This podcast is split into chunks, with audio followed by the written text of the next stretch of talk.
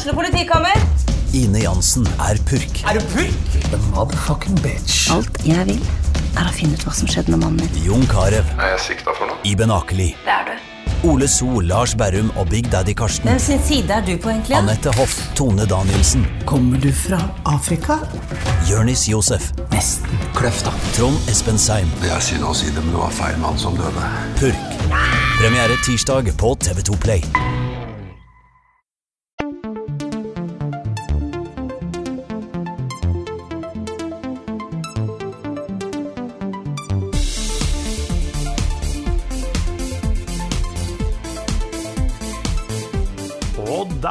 Ønsker vi velkommen til Level Backup 3,5 Garden of Arpeggio 365 slash 4 third chapter intermission Ruble, ruble, ruble, ruble. Med meg, Carl Martin Oksnes, og med Rune Fjell Olsen og ikke minst Lars Håkon Stormbakken. Åssen går det med oss? Hallo. Det går ganske bra. Med meg, Ja. i hvert fall. Ja. Ja, nei, det, det går fint. Ja, du er jo litt sånn eh, holdt på å si yrkesskada, det er du ikke, men du, er, du har skada deg litt. Skada. Ja, jeg er um, Jeg har ikke skada meg direkte, men jeg har, uh, jeg har operert foten, så ja. Jeg sitter her på smertestillende og, og venter på at den skal bli bra. Ja, Mm. god bedring.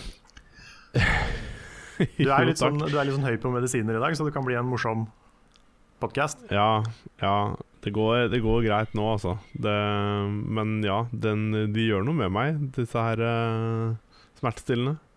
Skal ikke nekte for det. Hvis du hører noen sånne subtile hyl innimellom i podkasten, så er det bare, det er bare Lars som er på Det er bare meg. Da er det Diesel som har tråkka på foten til Lars. Åh, fysj. Ja. Ikke minst. Åh, Ja. Jeg syns vi skal bare hyre inn, uh, hire inn han uh, som lager tittelen på Kingdom Hearts-spill, til å lage titler på alt vi gjør, egentlig. Hadde ikke det vært litt ålreit? Jo, jeg kan ta så ringe Tetsuyo Nomura Ja, kan du og ikke og spørre om han har lyst til å lage noen fine titler på alt vi lager. Mm. Han stiller sikkert opp. Null stress. Ja, ja, Oh. han, han har god tid. Jeg har en uh, idé. Vi burde jo lage en sånn derre um, uh, tittelgenerator. Kingdom Hearts tittelgenerator. Ja, det burde Hvis ikke noen har laga det, så burde noen lage det.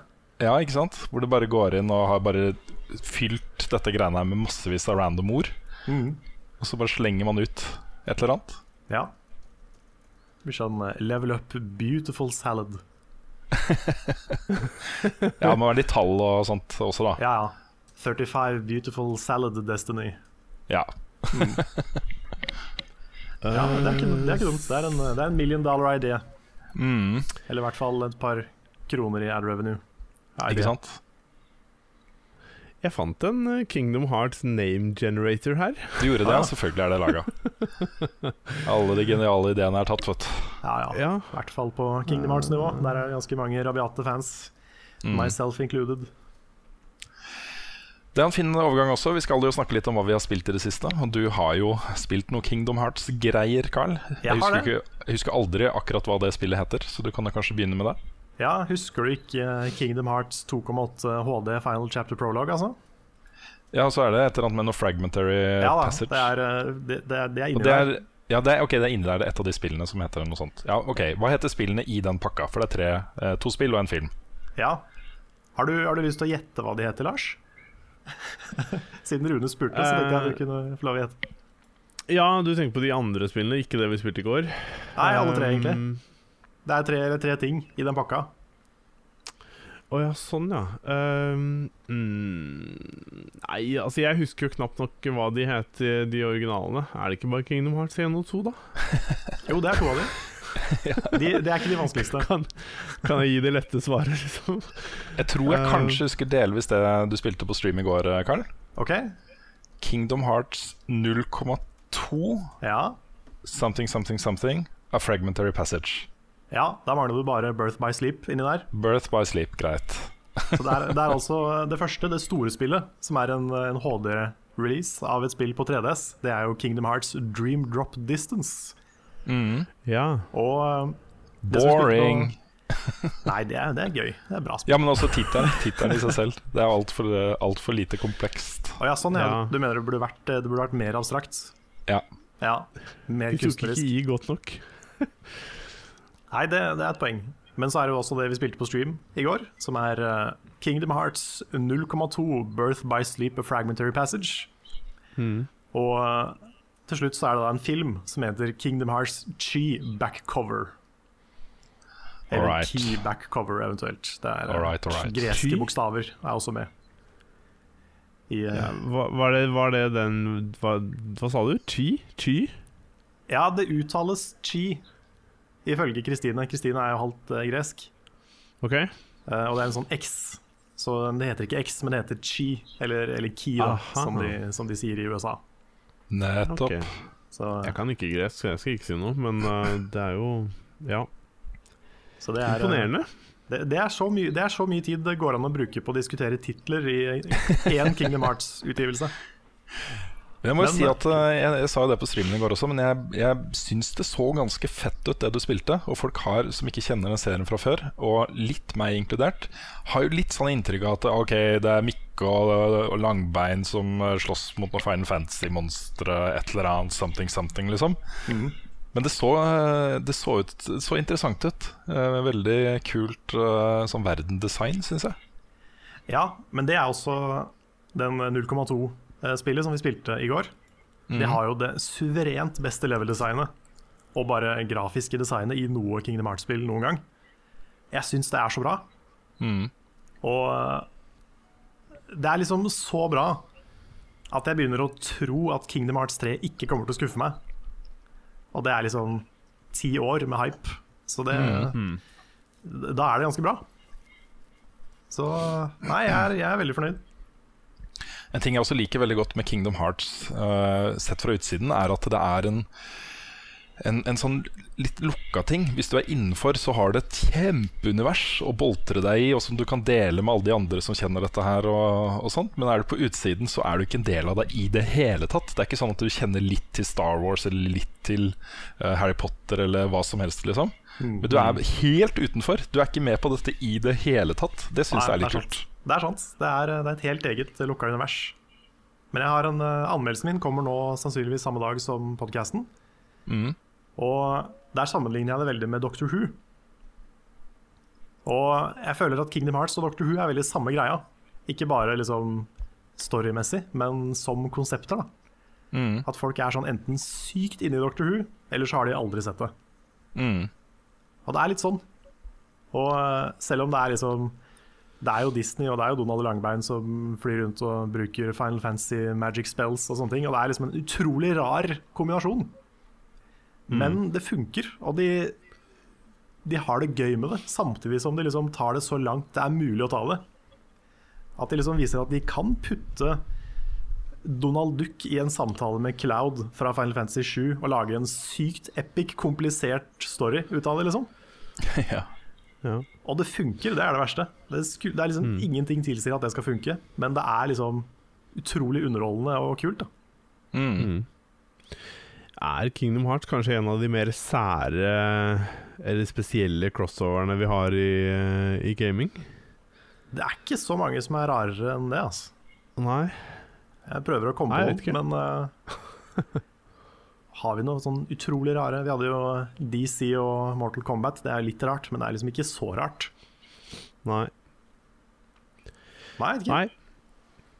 Nei, jeg vet ikke. Altså, jeg har ikke spilt noen sånne veldig rare uh, Rare sånne ting. Jeg har jo spilt Kingdom Hearts 1 og begynt på Kingdom Hearts 2. Det er det jeg har gjort. Ja, da må du også spille Kingdom Hearts Chain of Memories, som er imellom de to. Så det Riktig. er mye greier. Ja, fordi eh, grunnen til at jeg stoppa, var jo litt det at jeg følte um, uh, Dette var en overgangsperiode hvor uh, Jeg tror PS4 hadde kommet ut når jeg begynte å spille det. Så jeg spilte det jo på PS3. Mm. Og det er uh, Det er en sånn terskel for meg å plugge opp PS3-en hver gang. Ja, det skjønner jeg. Det, jeg har samme greia med Demon Souls og de der. Ja, Det er liksom, Jeg har lyst til å spille det, men det er så pes å bare plugge inn den gamle konsollen og alt mulig, bare for å spille det. Mm. Men nå kan jeg jo bare kjøre det opp på PS4, vel? Ja, i hvert fall snart. De eh, 1,5 ja. og 2,5 som har alle de forrige spilla. Det kommer jo nå i mars. Ja, ikke sant? Så da, da kan du få alt på én konsoll. Og det er mm -hmm. det er ganske bra. For det har jo vært sånn fem-seks konsoller du har måttet ha for å kunne følge den serien. Mm. Jesus Christ. Så nå er det heldigvis litt lettere enn det var. Ja. Men uh, ja, jeg anbefaler folk å egentlig sjekke det ut og bare ha et veldig, et veldig åpent sinn. For at det kommer til å være rart, og det kommer til å være mye som ikke tar seg sjøl så veldig alvorlig, og ting som tar seg sjøl veldig merkelig alvorlig. Mm. Men uh, nei, det er, eh, det er good times, altså. Mm. Veldig sånn hyggelig, hyggelige vibes hele veien, Herlig, herlig. rett og slett. Men ja, det er jo stort sett det jeg har spilt, hvis ikke vi, eh, hvis ikke vi skal gå inn på det neste som vi spilte på stream. Jo, vi må jo nesten det. Nå var jo egentlig Planen var jo å ha Svendsen med i podkasten. Jeg blir litt bekymra, for eh, han er jo ikke her. Og når man har sett anmeldelsen hans av Resident Evil 7, så kan man jo begynne å lure på hvor mye av, mye av det som var uh, fiksjon, og my- hvor mye som var fakta. Jeg vet ikke. Ja, vi vet jo ikke 100% sikkert at Svendsen lever akkurat nå. Nei, vi gjør jo faktisk ikke det. Men øh, jeg begynte jo å spille Resident Evil 7, og så fant jeg ut at nei. Og så øh, kjørte jeg til Hønefoss og leverte det til Svendsen, så han anmeldte jo det i dag. øh, som da er torsdag. Ehm, med VR. Shit, jeg er så glad jeg slipper å spille Resident Evil 7 i VR. ass. Det, det skjer ikke. Nei, det, det tror jeg faktisk jeg hadde nekta blankt uansett. Mm. Jeg vet ikke, Kanskje som en del av noe show og at det er begrensa til en halvtime, eller noe sånt så kunne jeg kanskje gått med på det. Men uh, Mm. I don't know. Det er uh, ja, rimelig freaky, ass. Og selv uten VR Det så crazy ut. Ja, det var mer enn ille nok i går, kjente jeg. mm, Jeg uh, hadde jo spilt litt av det før, men vi satte oss ned da og spilte fra begynnelsen av og spilte en time. Så det var jo mesteparten av det vi spilte i går, hadde jeg jo ikke sett før. Og jeg syns jo det er utrolig deilig at uh, et Resident Evil-spill er skummelt igjen. Det er uh, Ja. Det er det, det viktigste de mista etter at de ble, ble mer actionorienterte fra Resident Evil 4 og utover. At de ikke Mm. ville lage skrekkspill lenger, de ville lage actionspill. Sånne vestlige actionspill som alle, alle da liksom ville ha. Mm. Så, um, så det er uh, superdigg. Uh, Svendsen nevner jo i, spill, i anmeldelsen sin også at, uh, at det har lite til felles med de gamle Resident Evil-spillene. At det, er, det kunne like så godt ha hett noe annet. Jeg er ikke helt enig i det, altså, fordi de første Resident Evil-spillene var i ganske stor grad skumle fordi det var så begrensa bevegelsesfrihet og begrensa kameravinkler. Um, du kunne liksom åpne en dør, og så ble du veldig brått overraska av noe som var veldig skummelt. Uh, og så skulle du flykte, og så var det supervanskelig, fordi de bevegde seg jo så treigt, og kameravinklene skifta seg hele tiden. og sånne ting Så det var med på å liksom øke graden av skrekk. da Og jeg føler at ved å legge det i første person, og ved å bruke liksom veldig sånn sakte bevegelse uh, og sånne ting i dette spillet, så henter du litt det tilbake igjen, uten at du får masse kjeft fordi du ikke klarer å ha eh, et bra bevegelsessystem, f.eks. Så, eh, så sånn sett så føler jeg de på en måte har henta opp igjen litt den filen av ubehag fra de første spillene, eh, samtidig som det er moderne. Ja, jeg tenkte på det når du, når du måtte bruke det der health kit og lade pistolen og sånne ting. Så gikk det så veldig treigt. Yep. Og det er jo mens det står noen der med å stabbe deg, liksom. Ja. Så det er jo veldig gjort med vilje for at du skal få panikk. Mm. Jeg er helt enig. Eh, og når det da i tillegg så har du jo lagt inn eh, items fra eh, serien.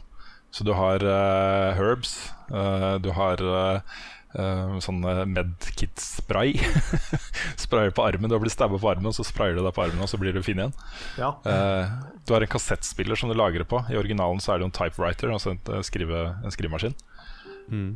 Så, så det har liksom henta inn nok elementer til at jeg føler det er et Resident Evil-spill. Um, og øh, ja, derfor så syns jeg dette er bare en, en herlig uh, ny start for serien. Mm. Ja, det er ja. Jeg skulle ønske, jeg sa det på streamen også i går, at jeg skulle ønske jeg kunne spille det med sånn der jump scare warning. Fordi jeg takler bare ikke jump scares på den måten her. Jeg blir bare sittende og fokusere på det. Jeg klarer liksom ikke å, å kose meg med resten. Da. Fordi eh, Mm. jeg er jo nysgjerrig på liksom hva det er som foregår i det huset, og jeg har liksom lyst til å vite den historien. Mm. Men uh, i det formatet der så kjenner jeg at jeg klarer ikke helt. Jeg er for pysete. Jeg orker ikke sånne jump scares. Nei, Det er veldig slitsomt, for du blir sittende hele tida og uh, fokusere på noe som kanskje ikke alltid er reelt, heller. Så du blir uh, Du blir bare Fokuset blir bare på liksom når kommer neste jumpscare, og så er det sånn Klarer du ikke å nyte de øyeblikkene som, som spillet har satt opp ellers, da. Mm.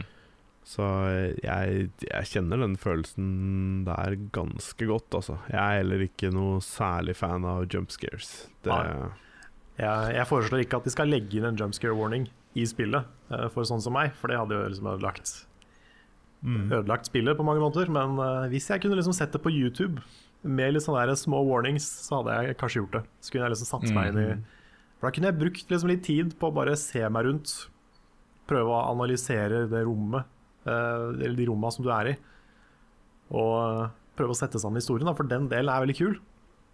Uh, og det syns jeg er gøy. da Det å sette sammen en, en story basert på ting du ser. Mm. Men uh, ja, jeg er litt for pysete for å gjøre det med Resident Evil. Jeg skulle ønske jeg ikke var det. Eller jeg skulle ønske jeg hadde en, hadde en løsning der.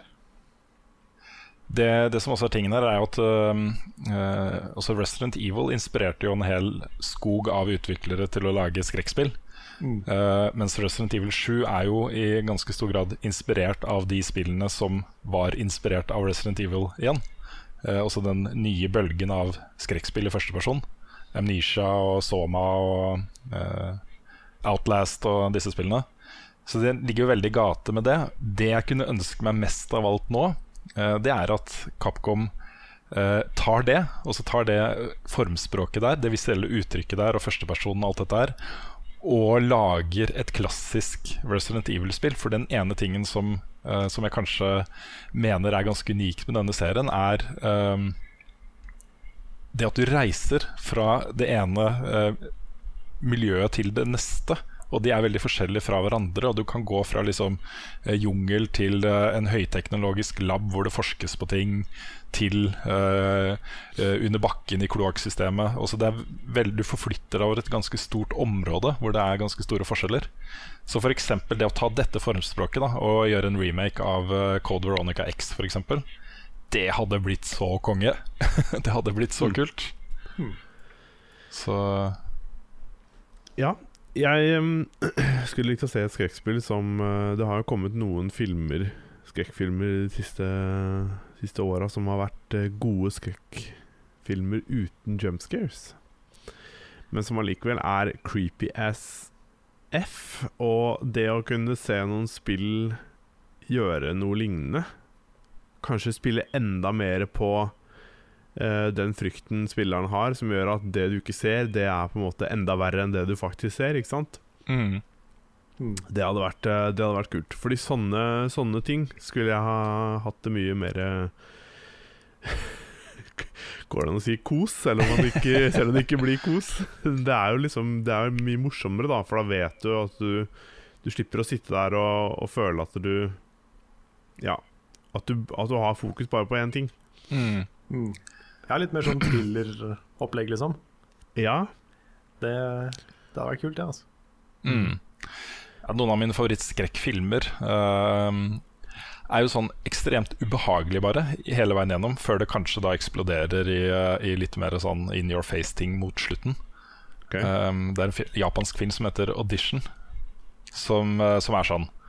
Uh, hvor eh, Det er en fyr da som, eh, som møter en dame som eh, blir liksom stadig mer og mer forskrudd gjennom filmen. Eh, før det liksom siste kvarter i 20 minuttene, så er det bare en Gore-fest uten like. Riktig. Og den bygger jo opp det på en veldig veldig kul måte. Hvor ting er liksom utrolig creepy og guffent, og du går liksom og venter på at noe skal skje hele tiden.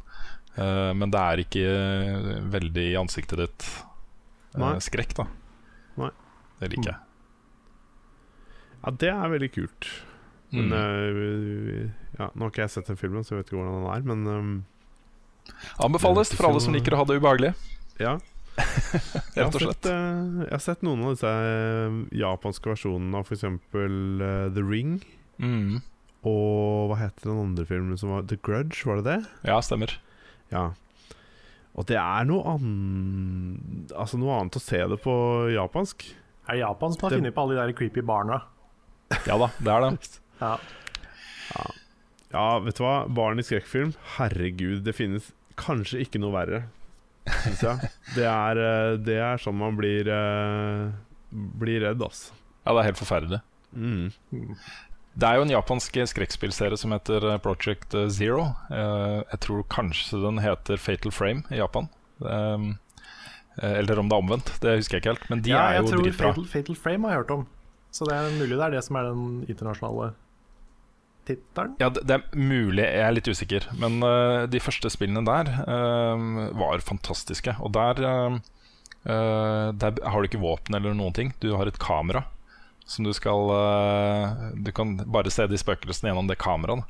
Så du blir gående i på en måte førsteperson med det kameraet ganske mye. Eh, og det brukte liksom litt av det formspråket fra The Ring og, og The Grudge. Eller Ringu. Ja, jeg har sett litt av et av de spillene. Jeg husker ikke hvem av de det er. Men det er, det er en Mm. sånn jentegjeng, tror jeg. Det er en sånn skolejentegjeng, og så går du rundt på en, et svært bygg. Husker ikke om det er en skole eller bare et eller annet sånn svær En svær bygning da, som er hjemsøkt av mye greier. Mm. Kanskje det er alle spilla, for alt jeg vet. Men uh... Jeg tror det var det spillet som kom på Wii. Eh, Det, Ja, en, det stemme, eh, det det var vel. Fatal Frame 4 som kom der, tror jeg. er Hvis jeg ikke husker helt feil. Jeg fant en liste nå med Fatal Frame uh, named eller titled Zero. Står uh, annet PlayStation 2, Nintendo 3DS, Wii, VU, Xbox. Ja, ok. Ja. Det er nok det. Mm, PS2 er originale plattformen. nettopp. Ja. Skjønner, skjønner. Jeg vet ikke, men jeg syns det, synes det er stilig at Resident Evil har blitt en greie igjen. At folk uh, har liksom grua seg til å spille det og gleder seg til å spille det og har det Ja. gøy med det og blir redd av det. Det er uh, kult at en, en serie som jeg liker så godt, er tilbake i bevisstheten til folk på den måten. Ja, det er jeg enig i. Det er veldig kult. Har ikke akkurat vært sånn i toppform de siste åra. Absolutt ikke. Jeg er så lite glad i Resident Evil 5 og 6. Jeg syns de er så eh, Altså, Fem hadde sine øyeblikk, men seks var bare helt meningsløst. Det, det sleit jeg med å like, altså. Yes. Ellers har jeg ikke spilt eh, så mye annet, men jeg har lasta ned og gleder meg til å begynne på Yakuza Zero. Så det blir det vel å snakke om neste uke, tenker jeg. Ja, jeg har sett det har fått mye oppmerksomhet i det siste. At det, Mm. det er et veldig bra Yakuza-spill. Det er litt sånn Apropos eh, Kingdom Hearts også, for eh, Yakuza-fansen er også en ganske lukka gruppe. Mm. Um, hvor, ja, vært det eh, veldig. Ja, de er veldig glad i, i serien, og den har alltid fått gode anmeldelser. Og uh, folk har likt den veldig godt. Men den har uh, i ganske stor grad vært sånn uoppdaga av sånne som meg, f.eks. Så uh, det blir mitt første møte med et Yakuza-spill. Jeg gleder meg veldig. Ja, kult. Det også har vært en bra stream. Jeg vet ikke om du har lett for å streame hjemmefra. Eh, ikke egentlig. Nei. Da får vi se hva vi Det har jeg ikke. Eh, Ja. Nei, mitt eh, største problem med å streame hjemmefra er rett og slett at jeg bor sammen med noen andre. Så ja. Du hvis, sånn der, jeg, sånn der kone og noen unger og sånn, du. Ikke sant? Ja. Så eh, det er ganske forstyrrende å sitte og streame. Det okkuperer okkupere liksom hele stua for det. Er dette et åpen verdensspill? Ja, det er på en måte GTA i Tokyo. Ja, det er det. Med uh, alle de absurditetene du kan forvente deg av et GTA uh, lagd i Japan. Nice. Så du spiller jo gangstere i Yakuzaen. Um, og de har det ganske mye morsomt med karaoke og bowling og wrestling og dansing og sånt ved siden av. Ikke sant? Så jeg kan se for meg at det er ganske, ganske kult. Mm. Jeg har hørt at det har sånne herlige, sånne absurde ting som er veldig typisk i japanske filmer. Fordi det er mange japanske filmer som kan gå fra å være blodalvorlig til en scene som bare er what the fuck. Mm. Sånn helt ut av det blå, og så går det tilbake til å være veldig alvorlig. Og det er en sånn ting Ja. som, som er så kult i mange japanske filmer og spill. Da. Mm. At Metal Gear-serien, for eksempel. Ja, ja. Uh, og du får de der eh, avbrekka fra alt det liksom blodalvorlige. Mm. Og du aner ikke hva det er du sitter og ser på, men det er liksom underholdende og rart og morsomt. da Ja. Og det er veldig typisk uh, japanske historier. Det er, det er dritkult. Mm. Ja, det blir uh, Yes. veldig kos. Ja, skal jeg ta hva jeg har spilt? Jeg har uh, ikke spilt så veldig mye nye spill, men jeg har uh, satt meg ned og spilt uh, Just Cause 3, som jeg ikke har fått spilt før. Det er det jeg har gjort det siste. Jeg venter jo egentlig bare på at det skal komme noen spill som er i min gate nå. Um, så Så ja. Ja, Skal du spille Det er eh, jeg, jeg vet ikke. Jeg har jo blitt interessert i det etter at dere har begynt å snakke om det, og jeg har begynt å skjønne hva dette her er for noe. Mm. For Før så trodde jeg det bare var et sånn anime-japanspill som jeg ikke kom til å skjønne noen ting av, fordi, det ikke, fordi jeg ikke ser så mye på anime eller noe sånne ting, da. Men ehm, det virker jo veldig mye mer interessant når jeg skjønte at det var en uh, Souls-variant, da. Ja, det virker som det er Samurai Souls fra noen andre Mm. enn liksom FromSoft. da Ja. Så Jeg er jo superglad i en gammel eh, Capcom-serie som heter uh, Onimusha. Og det minner meg veldig om Onimusha, men mye mer hardcore. da Ja, jeg tror de har Det er mulig jeg tar det her rett ut av ræva, men jeg mener de har sagt det. At det er en slags sånn spirituell oppfølger til Onimusha også. Mm.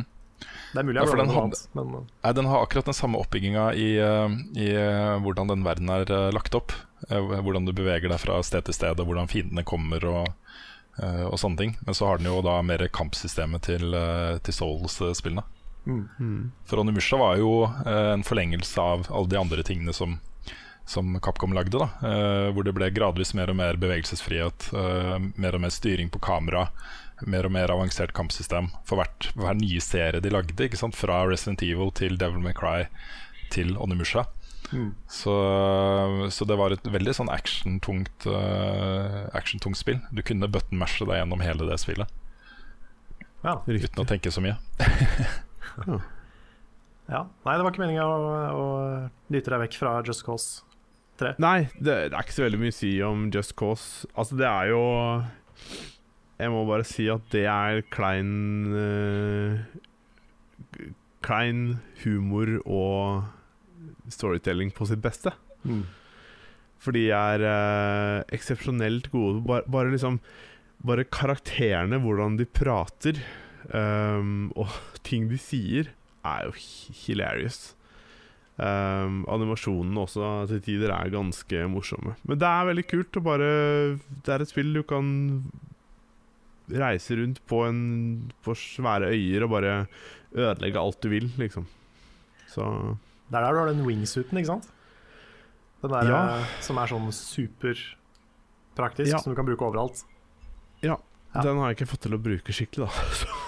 Jeg bruker hanggliding og den derre Den derre um, skyte ut uh, snora, hva heter det for noe? Den uh, grappling-hooken. Ja, ok. Ja. Ja, det er jo litt signaturvåpenet til, eh, til Just Cause-serien. Grappling hooken. Ja, det, det er det. Og den er jo Altså, måten han beveger seg rundt på, er jo fantastisk, rett og slett. Det Mm. er uh, utrolig uh, Utrolig kul ting, da.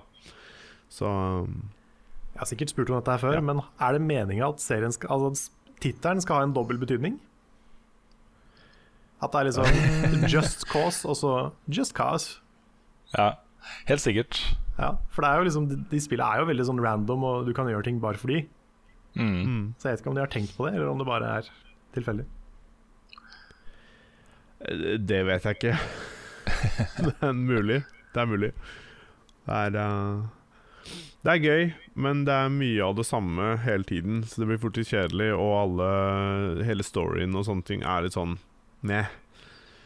Det er, eh, det er klein, klein skrevet, og, og klein humor oppi det hele, som gjør det tidvis morsomt. Jeg sitter og ler, liksom, fordi det er Det blir sånn The Room-nivå på ting. Ja, ok, det er såpass. Ja, det, det er ganske morsomt. Så Jeg har aldri helt fått taket på Just Cause-serien. Jeg har spilt, uh, spilt uh, disse spillene. Men jeg, er ikke noe, jeg liker dem ikke. Jeg syns det blir litt kjedelig. Men de er fantastiske i øyeblikk. Og så mange av de beste uh, giffene og korte videosnuttene fra spill jeg har sett i nyere tid, er jo fra Just Cause.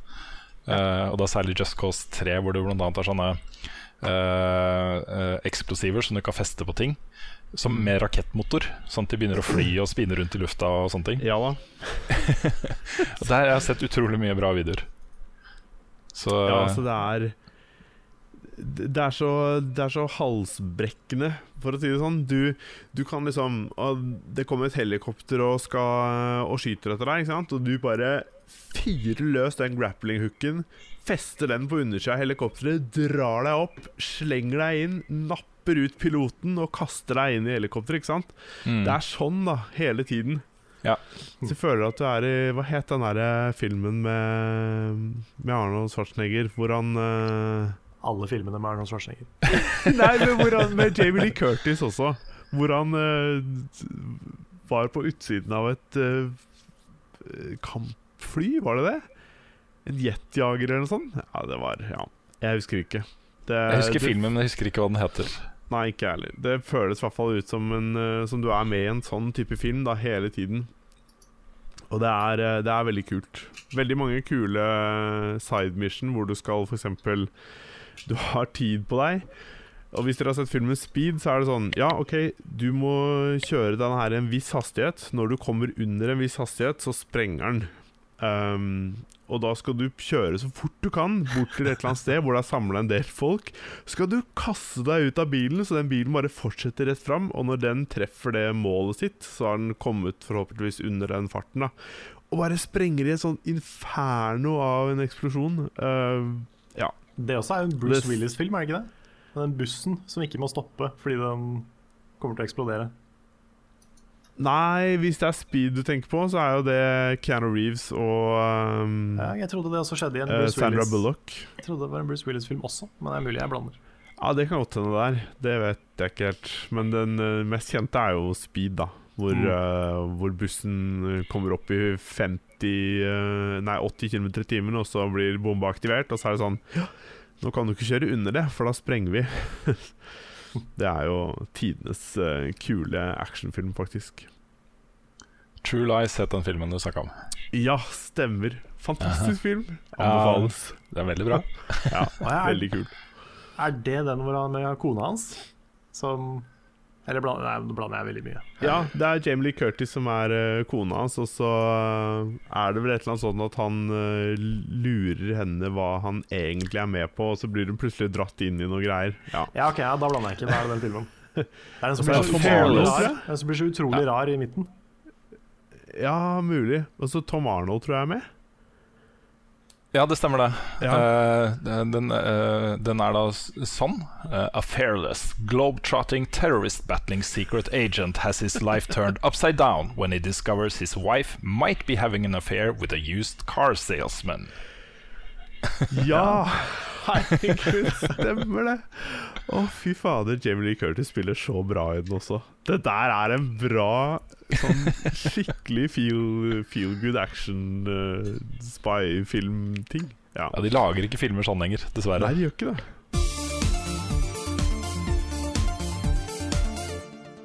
Vi går over til nyheter. Og har det skjedd noe spennende siste uka? Annet enn eh, lanseringer av kule spill? Ja, det er litt stille fortsatt. Det er ikke de aller største tingene. Det, eh, disse spillskaperne og spillutgiverne begynner å forberede seg litt til GDC og sånne ting. Uh, og det store slippet kommer ikke før seinere i vinter. Uh, men jeg har plukket et par-tre ting som har interesse. Okay. Og det ene er jo at det har jo vært en voldsom maktkamp, eller hva man skal kalle det. En voldsom konflikt i Playdead, som er det danske selskapet bak Limbo og Inside. Um, hvor Uh, Arnt Jensen og Dino Patti, det var de to som starta det selskapet eh, for lenge siden. Eh, røk uklar med hverandre i forbindelse med, eller rundt utgivelsen av Inside i fjor. Eh, og hvor da det endte med at Arnt Jensen eh, eh, eh, kjøpte ut Dino Patti eh, for 50 millioner danske kroner. Og Det som er nytt, er at Dino Patti har nå snakka ut om den isfronten som var mellom de to. Eh, at han slutta å gå på jobben, og de snakka ikke med hverandre. Og Snakka bare gjennom advokater og sånne ting. Og etter at den artikkelen kom ut da, i, i danske aviser og ble gjenfortalt over hele verden, så fikk jeg litt eh, Jeg kjente på det på, på meg selv. At som fan av Limbo og uh, Inside, så tenker jeg hva skjer med det selskapet her nå? Er det krise? Liksom, kommer det noe nytt? Eh, Så det er to ting som har skjedd. Det ene er at de har minnet alle på at det er Arnt Jensen som er uh, geniet bak Limbo Inside. Det er hans ideer som er eh, legemgjort. Og så slapp de et teaserbilde på Twitter-kontoen sin for deres neste spill. De minte folk på at vi jobber fortsatt med spill og skal lage ting, og det er ikke krise her, folkens. Det her kommer til å bli bra. Eh, og det er ikke så mye man kan si ut, uh, ut av det bildet. Det er en, uh, en uh, skapning, en liten gutt, som står på en fjelltopp og ser et eller annet uh, krasje fra himmelen uh, langt unna. En meteor eller noe sånt. Um, så det er ikke så mye, men uh, jeg, jeg syns det var interessant da Det at uh, den nyheten kom, og så umiddelbart etterpå ah, Ok, vi har dette artwork-bildet her, vi må bare få det ut. Vi må minne folk på hva, at vi faktisk gjør ting fortsatt. Ja. Så jeg syns det var litt interessant. Ja, for det kom ganske sånn tidlig, eh, den teaser, det teaser-bildet. Så det er jo tydelig at de har på en måte følt seg pressa til å gjøre det. Ja, De har jo brukt jo voldsomt lang tid på Inside. Det tok jo mange mange år fra Limbo til Inside. Og jeg forventer ikke at det skal komme noe nytt fra de med det aller første heller. Så, så jeg tror det var egentlig bare damage control, rett og slett. Sikkert. Ja, Det er vel en 2019-2020-lansering, kanskje? Ja, vi antar det. Kanskje 2018, hvis vi er eh, heldige. Det, det er jo sånn at eh, egentlig både Limbo og Inside kunne jo blitt utvikla på et år hvis de hadde nok folk og, Ja. og sånt. Ja, Rent innholdsmessig.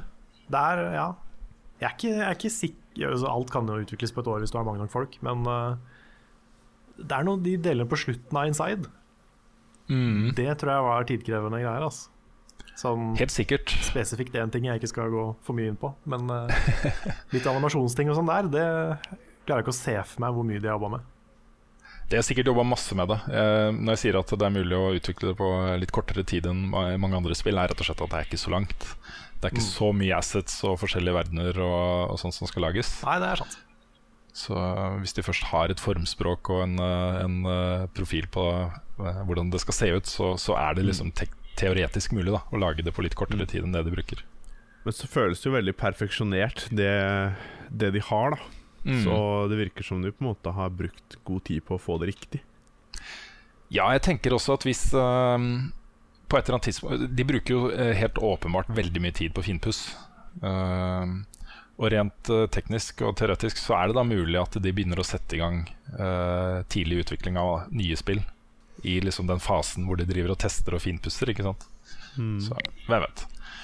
Ehm, greit. Uh, andre nyhetssaken jeg tenkte å ta opp, er at uh, dette nye Star Wars-spillet til Visceral ehm, har jo nå fått et slags dream team av kvinnelige utviklere som ansvarlige for, eh, for det spillet. Okay. Fra før av så var det jo kjent at eh, Amy Hennig fra Naughty Dog og Jade Raymond fra Ubisoft var sentral i utviklingen av det spillet. Og nå har også Portal-designeren Kim Swift, som også har jobba med Left 4 Dead og en del andre ting, Oi, eh, har blitt uh, design director for det spillet. Yes. shit. Ja, det er Så det er sånn- ganske tung, tungt, uh, tungt i toppen av kvinnelige kreative folk der, altså. Ja. Ja, Som jobber på samme Star Wars-spill. Ja, dette er jo et spill som uh, Nolan North har beskrevet som 'in the style of Uncharted'. Så ja, det Ja, det, det tviler er jeg ikke sånn nødvendigvis på. Dette er sånn kronotrigger-level Dream Team. mm, Hvor du har liksom dritbra folk fra forskjellige ting som går sammen for å lage noe kult. mm. Det, Jeg håper det det, blir bra, ass. Fordi eh, det som kom fra altså Battlefront, var ikke mye å skryte av. Eh, nå skal jeg, jeg skal legge på en liten ting til deg hvis det er, hvis det er greit. Mm. Eh, Det hører vel egentlig hjemme i en annen spalte, for jeg eh, nevnte jo ikke, nevnte jo ikke det. Men jeg, har, eh, jeg spilte jo den derre VR-tillegget til Battlefront, hvor du skal spille en sånn eh, Hvor du spiller en X-Wing-pilot. Og det var skuffende! Skikkelig skuffende. Ja, det sa du. Dårligere VR enn det har jeg ikke spilt eh, på noe av det andre jeg har gjort, altså. Da er du enig med Jon Cato Lorentzen. Ja, det Det er jeg sikkert. Men det var, det var skikkelig skuffende, Mm. faktisk. Mm. det som er, det som, akkurat dette Visceral-spillet her, eh, det jeg forventer av det nå, det er jo at det holder litt den samme kvaliteten som Rogue One hadde. At de forteller en Star Wars-historie um, som, som er helt sin egen greie, og som kan stå på egne bein, og som har Mm. eh, en tøff story og kule rollefigurer og alle de tingene der. Ja. Mm. Det er jo ingenting som er eh, kjent om det spillet, annet enn at de viste en kort teaser på EAs pressekonferanse på E3 i fjor. Um, Ja, hvor de egentlig bare får se litt av verden de bygger. Ja, det var en sånn der vi, vi jobber med noe-teaser. Mm. Med folk som sitter og tegner i Photoshop og, og sånn. Mm. Mm. Det er uh, venta i 2018, så det er et stykke unna. Ja. Yes, eh, Siste saken vet jeg ikke om vi har så mye å si om, fordi det blir litt opp til deg, eh, Carl. Okay. Og Det er at nå er det mulig å importere Pokémons i Pokémon Sun og Moon. Ja.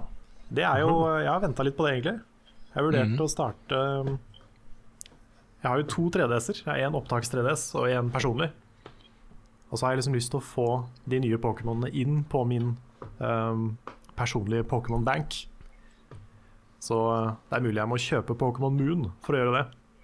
Ok, Og begynne å spille det. Og da kan jeg spille det med liksom de gamle Pokémonene mine fra gamle dager. Så det er litt kult. mm. Så det er mulig jeg gjør det hvis jeg får litt uh, tid etter hvert.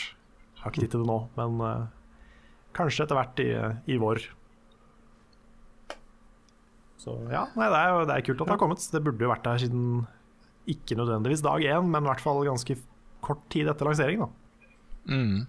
Så at du faktisk kunne ta med deg de gamle laga dine. Mm. Men eh, det er bra det har kommet.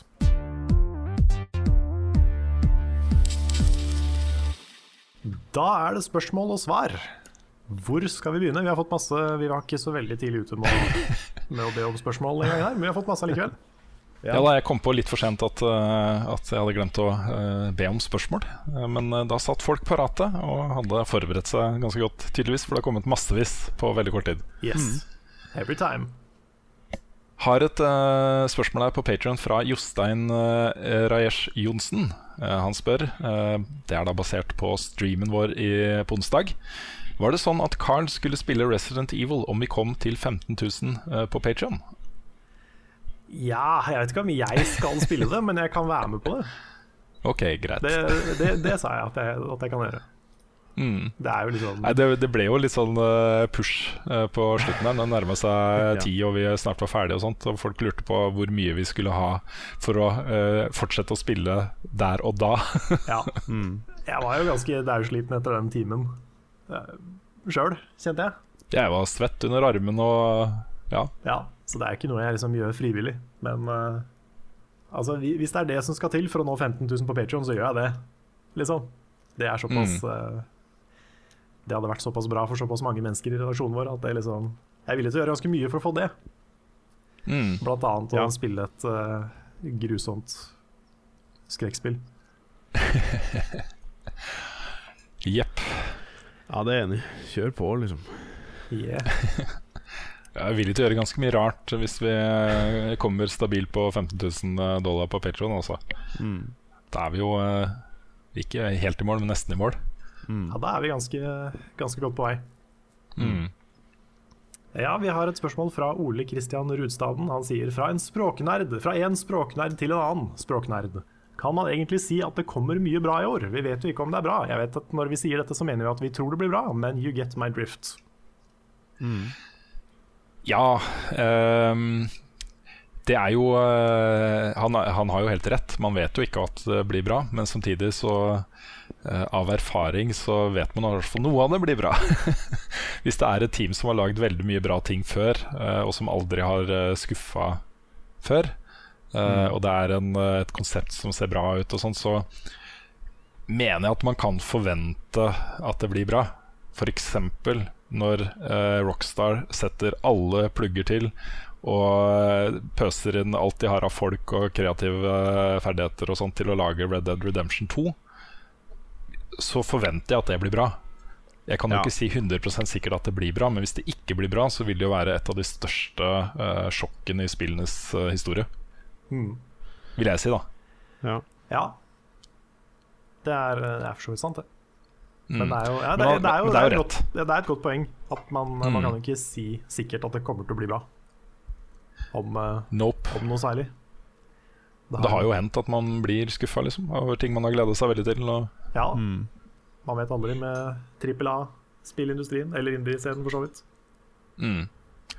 Jeg prøver jo å bruke ord som, eh, som, eh, som, som at det kan bli bra, eller at det er eh, veldig lovende eller potensielt superbra. Eller, altså jeg prøver jo å formulere meg på den måten, Eh, men det er ikke alltid jeg tenker over det. Så, så good point. Yes. Et spørsmål er fra Håkon Bergby på Patron. Eh, noen ganger så ser jeg at dere anmelder ett spill flere ganger pga. utvidelser eller DLC. Nå sist City Skyline, men også tidligere Destiny, The Taken King osv. Eh, det er jo andre storspill, f.eks. The Division, som har endret seg betraktelig siden start og har fått flere oppdateringer og DLC. Blir det rett å anmelde spillene flere ganger? I så fall bør dere ta med flere spill, og ikke bare de dere liker best. Og det er også et godt poeng. Mm. Um, jeg syns det er veldig Ja. Ja, fortsett. Nei, ja, Division hadde fortjent en, eh, en, et besøk igjen, altså. Fordi det, av alle jeg har hørt som spiller det nå, så sier de på en måte at nå har det blitt det Det spillet de hadde forventa at det skulle være, på en måte. Mm. Så um, ja.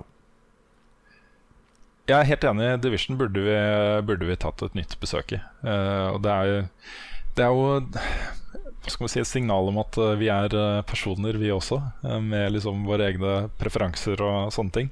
Ja da. Um, og vi prioriterer tiden vår uh, litt basert på det også. Men uh, vi har jo en jobb å gjøre også. Vi, det hender at vi bør sette oss ned med ting vi kanskje ikke har så lyst til å sette oss ned med, rett og slett fordi vi bør gjøre det. Jeg vet ikke. Ja, Ja. jeg vet ikke. Jeg kjenner sånn generelt så er jeg litt usikker på hvor viktig jeg syns det er å anmelde expansions. Jeg anmeldte jo også, Det er jo veldig fint hvis vi kan gjøre det, men det er ikke det som jeg setter høyest, kjenner jeg. Men uh, så for eksempel Dark Souls 3-delscenen, så valgte vi å vente til begge har kommet ut, f.eks. Mm. Mm. Og at ikke et spill trenger å få liksom fem anmeldelser, men kanskje, kanskje maks to, da. Når alt av DLC er kommet. Ja, jeg, er- i hvert fall veldig veldig fan av å gjenbesøke spill som har utvikla seg etter hvert. Uh, og sånn sett så burde vi også ha tatt en ny titt på No Man's Sky etter eh, Foundation Update rett før Ja. Um, og det er jo rett og slett fordi uh, folk Også spill er jo Mange av disse spillene blir jo en hobby for folk. De følger det over lang tid og er med på den utviklingen hele veien. De laster ned alle DLC-ene og patchene og oppdateringene som kommer, og fortsetter å spille det og får ganske, ganske nye eh, spilleopplevelser kontra det de hadde ved lansering.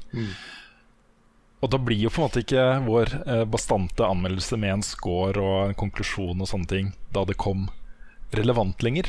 Det, det var relevant da, men det er ikke relevant nå fordi det har kommet oppdateringer som forbedrer kanskje mange av de tingene som vi har kritisert, osv. osv. Så, um, så i og med at veldig mange spiller spill på den måten, at de spiller det over tid og uh, følger det over tid, så mener jo det er riktig at vi gjør det også. Men uh, å sette det da opp mot å, å prioritere å få anmeldt ny, helt nye spill, blir vanskelig. Ja, det er det. Det er liksom det tidsspørsmålet. Mm. Hva man rekker, og hva man eh, prioriterer. Mm. Og så er det jo veldig forskjell på expansions. Sånn som en World of Warcraft-expansion er jo mye mer å anmelde enn en uh, liten DLC til Mario Kart, f.eks. Mm. Og så er det også veldig stor forskjell i hvor lang tid det tar å sette seg inn i et spill på nytt.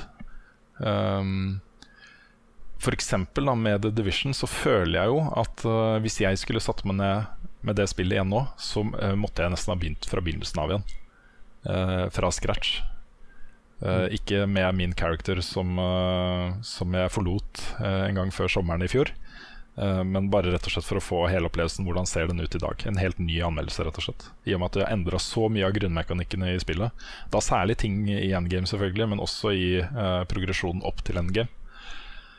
Så, så det blir et tiltak. da Det tar tid. Det tar kanskje lengre tid enn det tok å anmelde spillet eh, til lansering. Ja. Så ja, jeg vet ikke. Hmm. Men et godt poeng. Ja, Ja, det er det, altså. definitivt. Ok. Skal jeg ta et spørsmål her? Det er um, Nicholas uh, Hashett som lurer på Har hele redaksjonen begynt å si 'funny' igjen. Eh, jeg bare synes det var litt morsomt, for jeg tenker sånn Syns det var litt Vi funny? har kanskje det? ja, det var litt funny. Ja. Uh, Ikke jeg sier jeg er funny, det har jeg aldri tenkt på at jeg gjør. Nei, jeg vet ikke.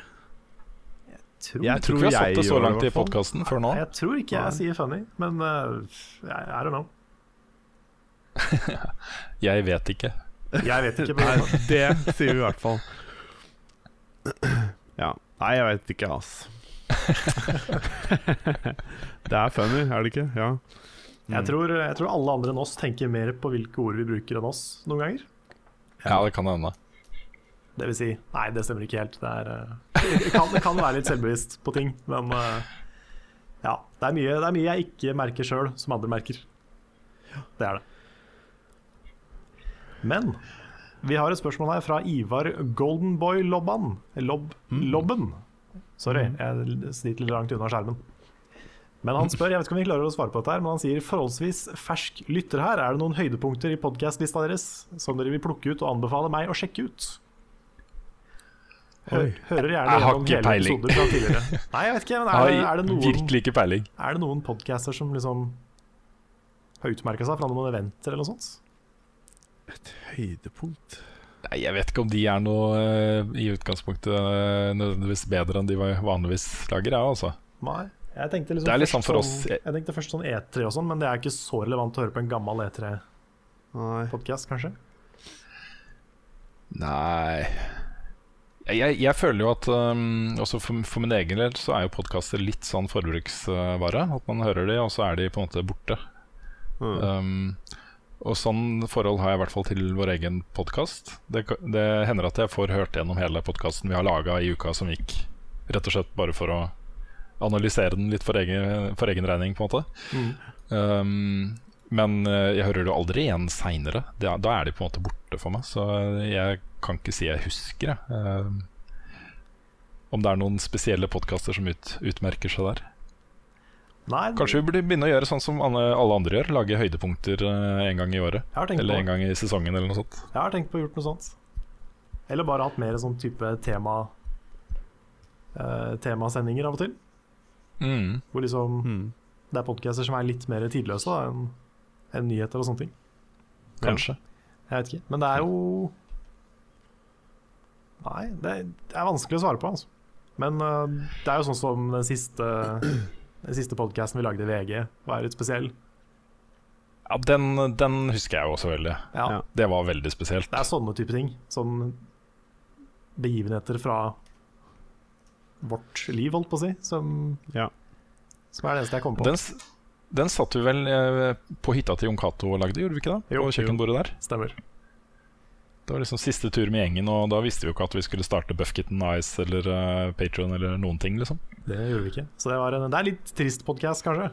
Men, uh, Mm. men den er i hvert fall noe, noe litt eget.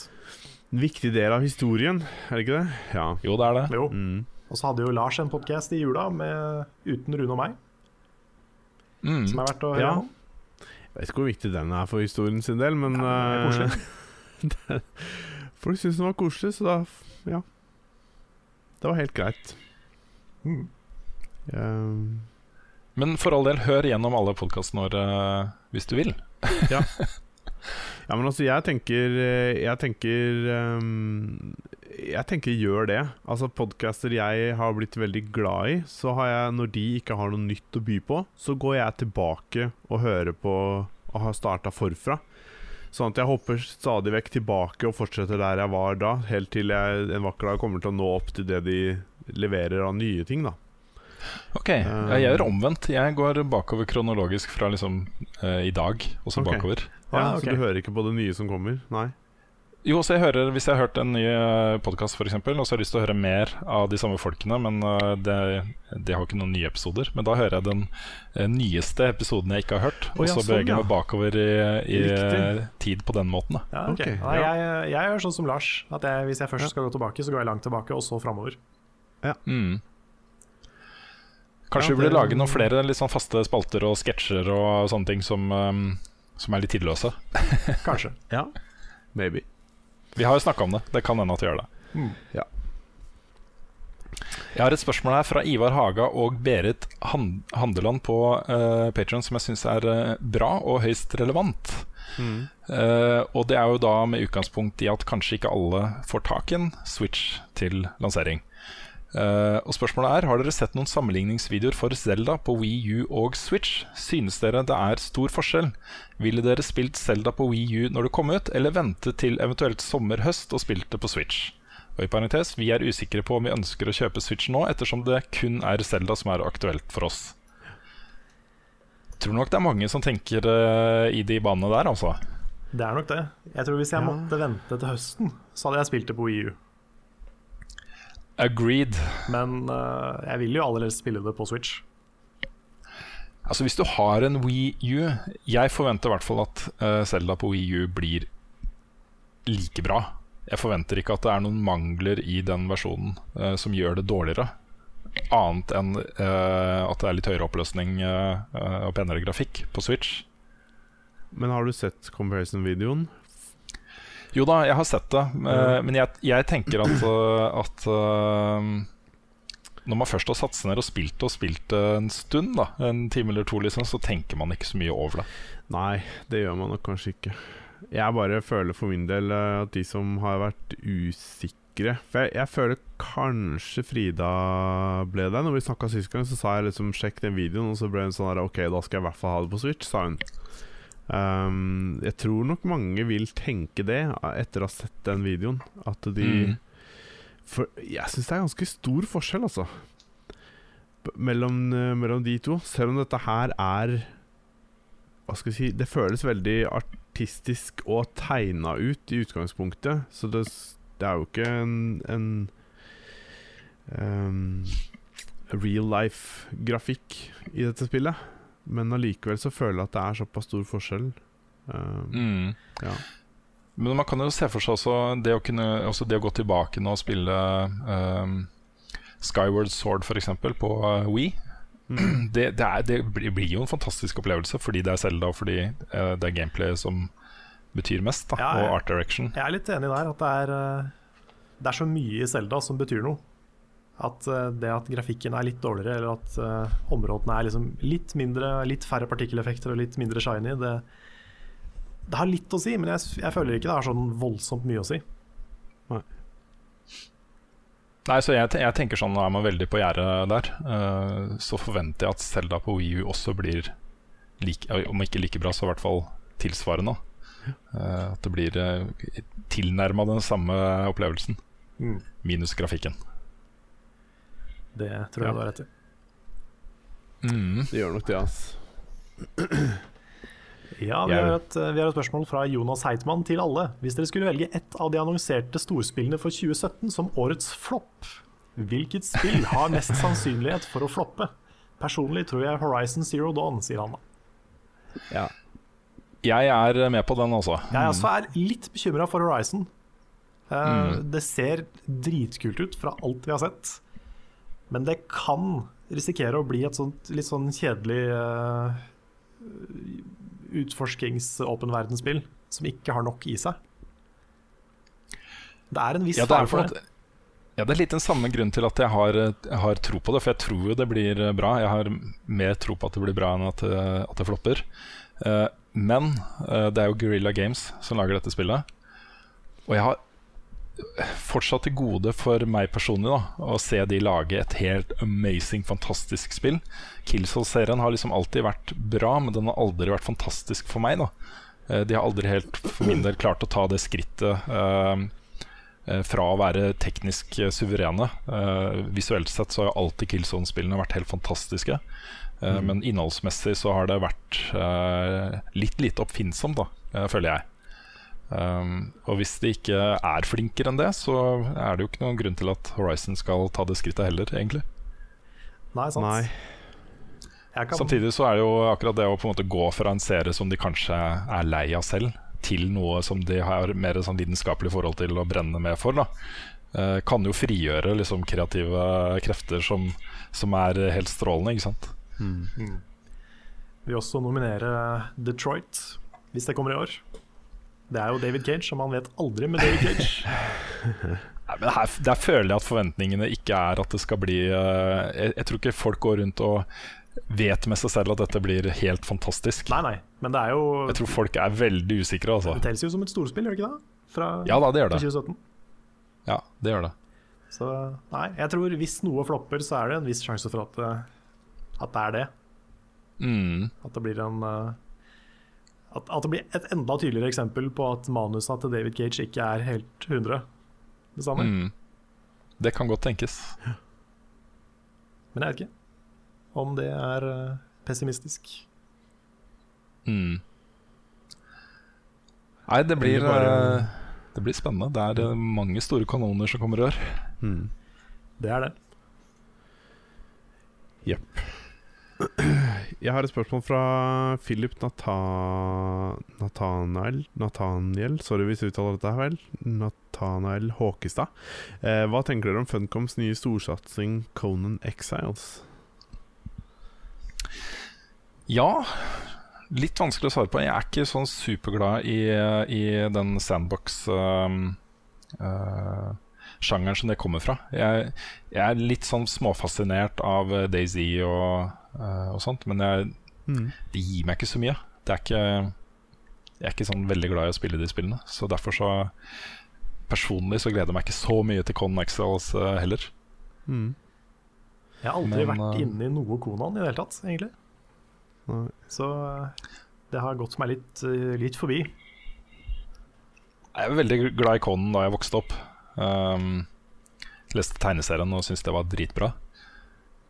Og jeg syns jo, liksom fra det jeg har sett av Con Exiles, at det, det ser ut som de er inne på noe. At de treffer en del eh, strenger som uh, resonnerer i, uh, i den sjangeren. Eh, det at man kan bygge svære settlements og uh, Og sånt så kjempegøy ut. Men jeg vet Mm. ikke. Nei, vanskelig å si. Eh, jeg har ikke sett så veldig mye av det sjøl heller, men det kommer vel nå i slutten av eh, januar, gjør det ikke det? Jeg vet ikke om det nødvendigvis kommer, men i hvert fall blir det mulig å Det er vel sånn Early Access, heter det vel? Early Access, er Slutten av I januar. slutten av januar. Mm. Um, ja. Jeg syns det er kult, da. Det kommer liksom en norsk uh, satsing på noe Noe stort, men eh, Ja, det er sånn det å følge Funcom over veldig mange år, som vi har gjort, uh, i hvert fall jeg har gjort, så eh, ser man jo fram til nye lanseringer fra Funcom en, en viss um, uh, sunn skepsis, kan man kanskje kalle det. Ja.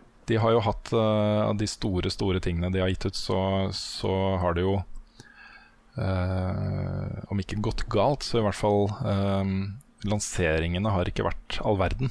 Du hadde massive tekniske problemer med Anarchy Online. Mm. Du hadde um, Age of Conan som slapp opp for innhold når folk hadde spilt i 20-30 timer.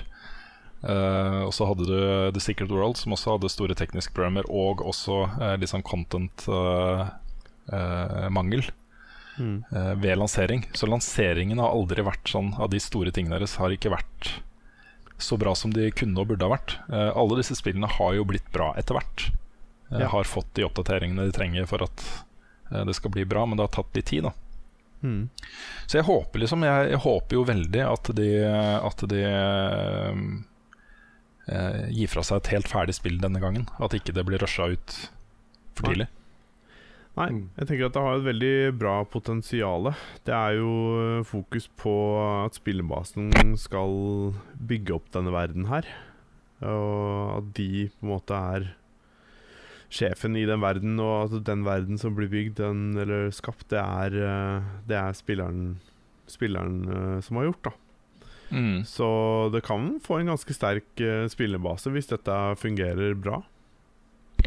Så Litt sånn apropos Age of Conan, så har jeg og sett på en YouTube-dokumentar om det originale Final Fantasy 14, MMO-et. Mm. Fra en norsk fyr, faktisk. En kanal som heter Speakers of Heidelin. Og det er ganske interessant. Bare hvor, hvor ødelagt og hvor lite innhold det var i det spillet eh, på dag én. mm. Og den snuoperasjonen som de klarte å gjøre med det spillet. For nå er jo det et kjempebra MMO, men det var definitivt ikke det da det kom. Mm. Så eh, en liten, en liten shout-out til eh, Speakers of Heidelin. Han er, eh, han er flink. Lager en kul, en- en kul videoserie om eh, første utgivelse av eh, Final Fantasy 14. Mm. Mm. Vet ikke om han eh, vet hvem vi er eller hører på podkasten, eller noe sånt, men uh, du er flink hvis du hører på.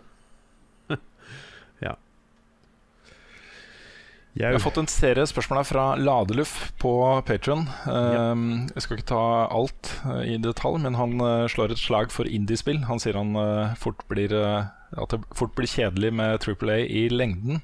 Mm. Han nevner en haug med spill som, eh, eh, som ikke er Triple A, som er indiespill, som er på vei nå i løpet av året uh, 2018. Uh, Tokyo 4, Echo Lake, Ublets, uh, Mosaikk, Overland, Somerville, Death Trash, Their Pods. Og det spillet som jeg hadde lyst til å snakke litt mer om, eh, Thimbleweed Park. Ja, Det, Det- ser helt fantastisk ut. ja herregud. Det er jeg så enig i. Eh, det var faktisk han som gjorde meg oppmerksom på det på Twitter. Mm. Og jeg ble helt forelska med en gang. Jeg. Ja, det er et spill jeg rett og slett glemte på min eh, topp 20-liste for 2017. Dette er jo uh, Ron Gilbert, som jo var veldig sentral i, uh, i eh, storhetstiden til, uh, til Lucas Hearts på Mm. adventure-spill. Uh, og eh, målet hans og Gary Winnick, som er den andre uh, opphavsmannen bak, bak dette, her Ja. det er jo laget et spill som ser ut som det ble at de har gravd det opp igjen fra eh, tidlig 90-tallet. Ja. Som om det skulle ha blitt lagd da. da Ja, altså de, de karakterene og sånne ting er tatt rett ut av Monkey Island, spør du meg. ass Ja Eh, Eller lignende spill. Det er um, jeg, jeg ble instantly forelska. Eh, og jeg bare gleder meg. Det er jo ikke lenge til det kommer heller. Nei, det er nå i første kvartal en gang. Jeg lurer på om det er nå i januar-februar. Ja, skal vi se uh, Skal vi se Men uansett, da, så er det jo et- ja. Ja, uansett så er det jo et spill som, eh, som eh, bruker veldig mye humor. Og veldig mye morsomme uh, oppgaveløsninger og sånne ting. Um, et eksempel på det er jo at du vil få Du får en option i menyene om, eh, om enden på toalettpapiret eh, som på do skal være mot veggen eller mot toalettet. du kan velge det. Der hvor er andre spill har liksom inverse mouse, kan du ha liksom inverse toilet paper. Ja. Evige problemet, da. Uh, Ja, ja, ja. Blant uh, både par og you name it. Den ene vil ha den inn, og den andre vil ha den ut. Det har vært en fin, Ja, her kan du det har vært en fin måte å liksom dele opp servere på i et MMO. At du hadde, du hadde liksom serveren for de som hadde dopapiret mot veggen, og de som hadde dopapiret mot Ja. Eh. Ja, der er det noe. Ja, så er det litt morsomt da for Gilbert og Winnick. De, eh, deres første prosjekt sammen var ved Ma Ma Maniac, Maniac Mansion i 1987. eh, og det første Monkey Island-spillet i 1990. Så um, de har funnet hverandre igjen. Hadde de fått med Tim Shafer på dette her også, så hadde det jo blitt eh, helt konge. Ja, ja. Dette her er eh, Jeg gleder meg. Mm. De har vel en sånn eh, rundtur i Europa nå i uh, starten av februar, har de ikke det? Skal til uh, både Berlin og London og uh, hvor du kan møte dem. Så vidt jeg har Ja, forstått. det, så vidt jeg har forstått også. Det var vel Ladeluf som gjorde oss oppmerksom på det også, tror jeg. Mm. Jau. Kult, kult. Nei, det ser ut som et veldig bra spill. Jeg gleder meg. Det skal Mm. spilles, uten tvil. Vi har også et spørsmål her fra Mariell Alin.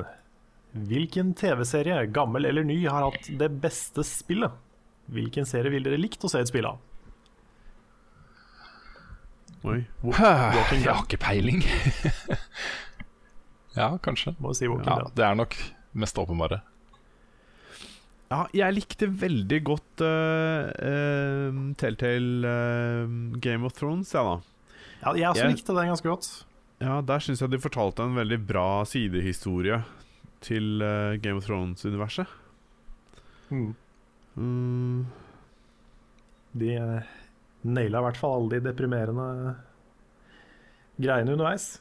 ja, herregud, det kan man trygt si. Ja, Men jeg vet ikke, ellers er det ikke så mange TV-seriespill er det det, som har vært bra. Lost-spillet husker jeg var skikkelig dårlig. det er ikke X-Files. Jeg husker jeg spilte et eh, ganske- Buffy-spill på Xbox. Ah, ja. Det var uh, blanda opplevelse. kult. Mm. Uh, Ja. Nei, jeg tror det må bli Walking Dead. Altså. ja. Kunne Jeg tror nok en, det også, eh, for det var jo et fantastisk spill. Ja. Sesong én der. Kunne fått en TV-serie av The Office eller Parks and Recreation, kanskje. Ja. Jeg tror et, et. Westworld MMO hadde vært litt fett. MMO, ja. Hvis det hadde vært et skikkelig Skikkelig svært og gjennomarbeida konsept, så kunne det vært helt konge. Og hvis det, hvis det var sånn at du kunne logga inn hver dag og merka at ting hadde forandra seg, Mm. og basically historien fra serien blir fortalt i MMO-et, og du opplever den historien som en besøkende, liksom, Mm. det kunne blitt ganske stilig. Hadde sikkert Ja, vært ekstremt omfattende å lage, og kanskje umulig, ja, ja. men uh, still. Ja. Det er lov å håpe. Det er lov å drømme, i hvert fall. Ja. Yes. Yes, jeg har et spørsmål fra Håkon Kleppe Nordmann på Facebook. Hva er deres favorittspill-soundtrack fra 2016? Gi- Nevn gjerne en spesifikk låt eller et øyeblikk hvor musikken sto ut. Eh, For min del blir det nok da man kommer tilbake til uh, Ifrit Boss-kampen fra starten av Final Fantasy 15. Ja, Final Fantasy 15 er et bra valg. Um, Spill-soundtrack For meg så står det mellom eh, Doom og eh, Last eh, Guardian. Jeg tror jeg må si The Last ja, Guardian. Det er hovedteamet til The Last Guardian. Som Mm. bl.a. er i den, E3, den siste E3-traileren som kom. Det er så Mm. fint. Det, den, den musikken er så fin. Mm. Ja, jeg må jo si at den musikken jeg husker best, og som jeg syns har vært mest fantastisk, og som jeg har hørt masse på, er jo rett og slett uh, musikken fra Civilization 6. Den også er veldig bra. Um, ja. Det, det, det er den Jeg tror det må bli min, altså. Mm. Det er veldig mye bra spillmusikk og komplementerende musikk som bare gjør eh, Eller gjør spillet bra, men jeg, det, er, det er ingenting jeg husker veldig godt. Nei. Main-themet, eller den intro- intromusikken i Civilization Ja. 6, den er oh, kjempefin. Jeg husker også en del av Da jeg gjorde en del av disse strikene til siste Det var vel Rice Wiren, da. Hvor de hadde gjort Gjort disse sluttsekvensene om til litt sånn heavy Mm. metal-musikk. Som jeg også husker veldig godt. Og ble, jeg spilte her og bare Yeah! Nå er jeg som maskin, liksom. Det, er, det, Ja, ja, ja. det gjorde noe spesielt. Jeg husker det veldig godt. Jeg kommenterte veldig mye på det også. Ja, det, er en fantastisk, eh, det er flere fantastiske musikksekvenser i nye raidet, Wrath of the Machine, Ja. eh, som jo er delvis inspirert av eh, Mad Max. Mm. Uh, hvor du har en sekvens oppe på en svær bro hvor det er en svær maskin som uh, prøver å ta deg. ja. Og der er det jo liksom den, de gitarene og hele pakka, liksom. Det funker. Ja da, absolutt. Um, jeg syns han, eh, han som lager musikken til um, uh, Til Doom Han har jo også laget musikken til, til Wolfenstein The New Order, som vi driver og spiller nå, Karl. Mhm. Og den åpning, altså den menylåta i det spillet, jeg syns den er så fet. Den er veldig rett på sak. ja, ikke sant? bare De gitarene og ja, ja, death metal på ett sekund. mm. Mick Gordon uh, heter han. Ja. han jeg jeg, jeg syns det er helt fantastisk. mm. Jeg vil gjerne dra fram en, et par ting til. Det ene er Inside. Um, husker du den sekvensen hvor det, er, hvor, hvor det kommer noen sound waves? Jeg skal ikke Mm. noe spoiler her nå, men det, det er i hvert fall en sekvens hvor du får noen sånne spesielle sound waves. Å, herregud! Og jeg husker hvordan de De, de, de kom liksom helt inn i kroppen min da jeg satt og hørte på det. Det var så spesielt. Um, fantastisk lyddesign på, på det, altså. Ja, det er jo sånn Lyddesignmessig er jo det helt amazing. Det er det. Helt fantastisk. Altså ikke minst musikken til Overwatch, for eksempel. Eller uh, Stardew Valley, kanskje. Mm. Sant, sant. Jeg ser nå at eh, Mick Gordon fra Doom og Wolfenstein eh, også lager musikken til Prey, som har fått lanseringsdato i mai. Ja. Ja, kult. Og til uh, skrekkspillet Routine. Så det, da steg det et hakk også i, i mine forventninger. Ja, kult. Jeg har et spørsmål her fra Skal vi se. Andreas Nikolai Karlsen. Hvis dere kunne tatt et intervju med en spilldesigner slash game developer, hvem ville dere intervjuet, og hvorfor? Hmm. Jeg har alltid hatt lyst til å få en ny sjanse til å sette meg ned med Hideo Kojima, rett og slett. Ja. Fordi den ene gangen jeg har fått intervjuet han, så eh, fikk vi liksom tre spørsmål hver. Og vi var tre stykker inne samtidig, og han var ikke så veldig interessert i å snakke med oss. Oi. Så det ble en litt sånn altså Det var veldig kult å møte han og sitte rett over bordet foran og være på kontoret hans, liksom. Men uh, uh, det er så mye jeg har lyst til å spørre han om. Fått, prøvd å få til en litt mer sånn uformell prat. da Vanskelig med japanske spilldesignere, fordi uh, de vil jo ikke snakke på engelsk. Så Nei. det blir jo via tolk, og så blir det en litt sånn stakkato samtale. Mm. For meg så er det Toby Fox fra Undertale. Han er, han er både veldig sånn Han er veldig lite glad i å snakke med presse og med å prate offentlig generelt. da Så han er et litt sånn vandrende mysterium. Han liker jo ikke å bli tatt bilde av engang, liksom. Han er veldig, veldig introvert og veldig lukka. da Mm. Så det å bare få møtt han og spørre han om liksom alt det jeg lurer på om Undertale, det hadde vært eh, det, det hadde vært stas. Mm. Ja. Jeg vet ikke om jeg har noen spesielle å, å snakke med. Det er ikke sånn at jeg har kjempelyst til å gjøre intervju med noen heller, for, for å si det sånn. Men eh, jeg tenker at uh, utviklerne av Firewatch vil jeg gjerne ha prata med. Nei, Det er for så vidt sant. Jeg er ikke noe glad i intervjuer, jeg heller. Jeg det er, eh, Jeg, det er jeg fikk en idé til en serie, Carl, som du og jeg kunne lagd. Ok, Um, en kombinert reiseprogram med uh, spillutviklermøter uh, fra Japan. Hvor vi velger ut kanskje ti uh, japanske spilldesignere. Store, liksom. Svære. Vi snakker jo Miyamoto, uh, Kojima osv. Og konseptet er at de skal ta oss med til sin favorittrestaurant eller bar. Uh, og vise oss den. Og så skal vi på en måte gjøre intervjuet litt der på kontoret og litt der, og sånne ting men at vi også uh, baker inn liksom vår opplevelse av å være i det området uten, uh, uh, også når vi ikke møter de folkene. At det blir et slags sånn reiseprogram også. ja, Det hadde vært kult, da! det er en veldig kul idé. Det koster mye penger, da. Men, uh... Ja, gjør det det? Jeg vet ikke. ja. Men uh... jeg vet ikke om jeg er den beste co-hosten på det. Altså. Nå er jeg, liksom, jeg er dårlig på reise, intervjuer og mat. Så Du kan, du kan være vår uh, Carl Pilking, Pilkington. Å, herregud. Jeg kan være han som bare kaster i seg fisk som spreller og uh, knasker og bare har det fett, liksom. Og så kan du være han som uh, bare legger det hjem til sofaen. ja, det er jo eh, det er real, det. Ja, ikke sant? Eh, jeg tenker vi må runde av snart, men jeg har et par spørsmål her som, vi- som er en fin avrunding, rett og slett. Ok. Um, det ene er um, fra Johan Martin Seland på Patreon Hva er planene for Level Up de neste månedene? Uh, og når, eventuelt når blir de nye planene avduket i sin helhet? Uh, og så er det fra Anders Hole. Kunne dere ha tenkt dere å gjennomføre en live podkast med publikum? Blitt mer og mer populært og skulle absolutt ha likt å være med på det. Um, vi kommer til å offentliggjøre eh, litt mer konkrete planer for 2017 snart. Vi har jo vårt eh, ettårsjubileum som eget selskap den 15. februar. Eh, og det vi kan si helt sikkert, er at det kommer til å bli et opplegg rundt det den 15. februar.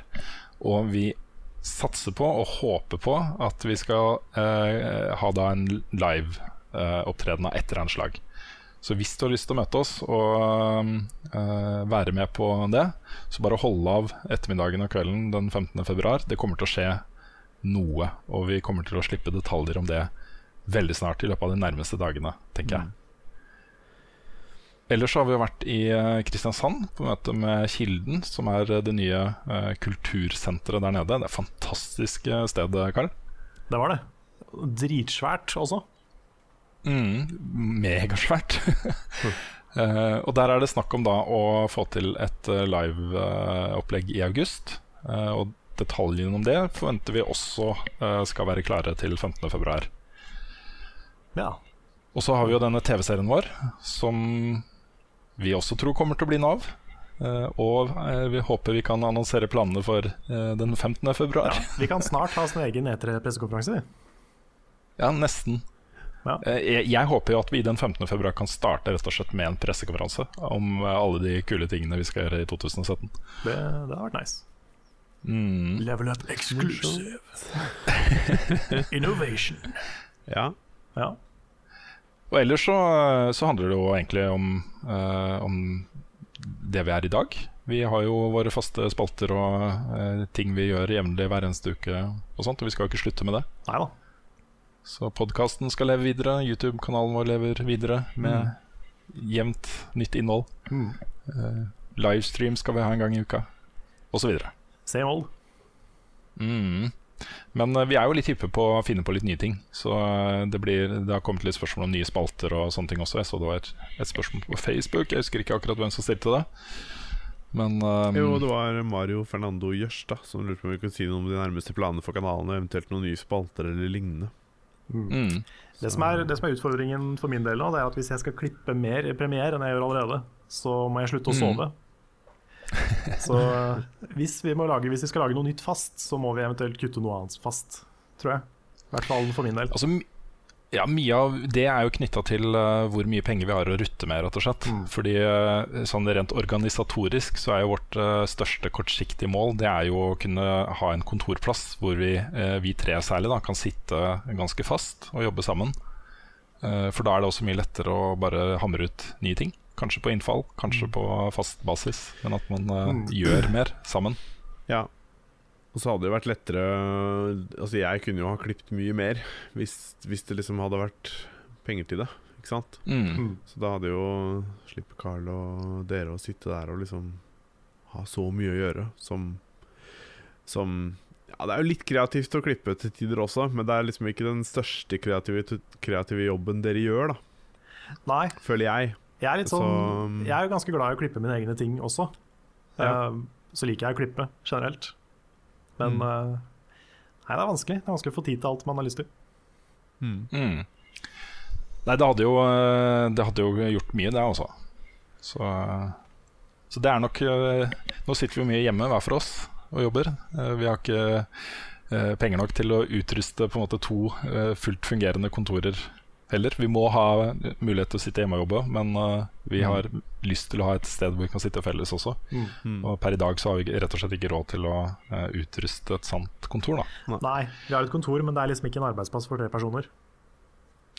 Nei, det er knapt en arbeidsplass for én. Det er jo for så vidt det. Men uh, det er ikke så gøy å sitte alene på kontoret når man kan sitte hjemme på nesten like bra utstyr og jobbe. Nei, sant. Så, Så blir det mye reising fram og tilbake som man bruker tid på, og så mm, sånne ting som ikke er så effektivt i lengden. mm. Men uh, jeg tror jo 2017 blir et uh, utrolig bra år. Jeg har veldig tro på at dette her eh, skal, skal bli fett, rett og slett. Ja, vi har jo mange, mange ting i lufta nå, mange baller i lufta. Så Mhm. hvis, hvis bare én av de lander, så er det en veldig bra start. Absolutt. Jau. For å si det litt kryptisk, men eh, vi, har jo, vi har jo sagt en del allerede. Ja da. Men 15. februar også, hold det, hold det av. Så Da skjer det ting. Eh, og det blir, det blir i Oslo.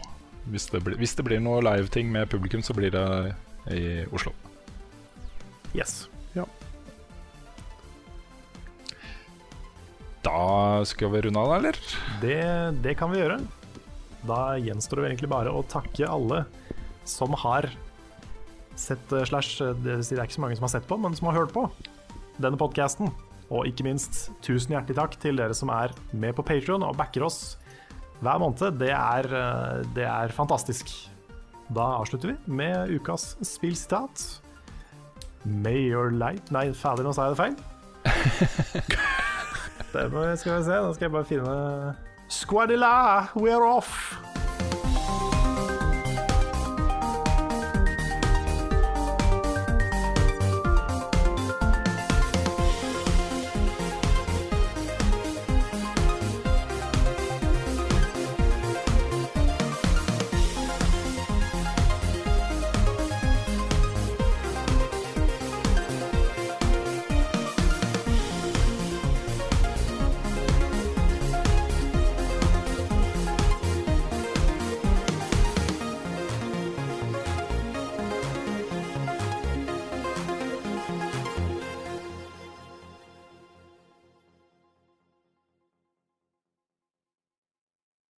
Har du et enkeltpersonforetak eller en liten bedrift? Da er du sikkert lei av å høre meg snakke om hvor enkelt det er med kvitteringer og bilag i fiken, så vi eh, gir oss her, vi. Fordi vi liker enkelt. Fiken superenkelt regnskap.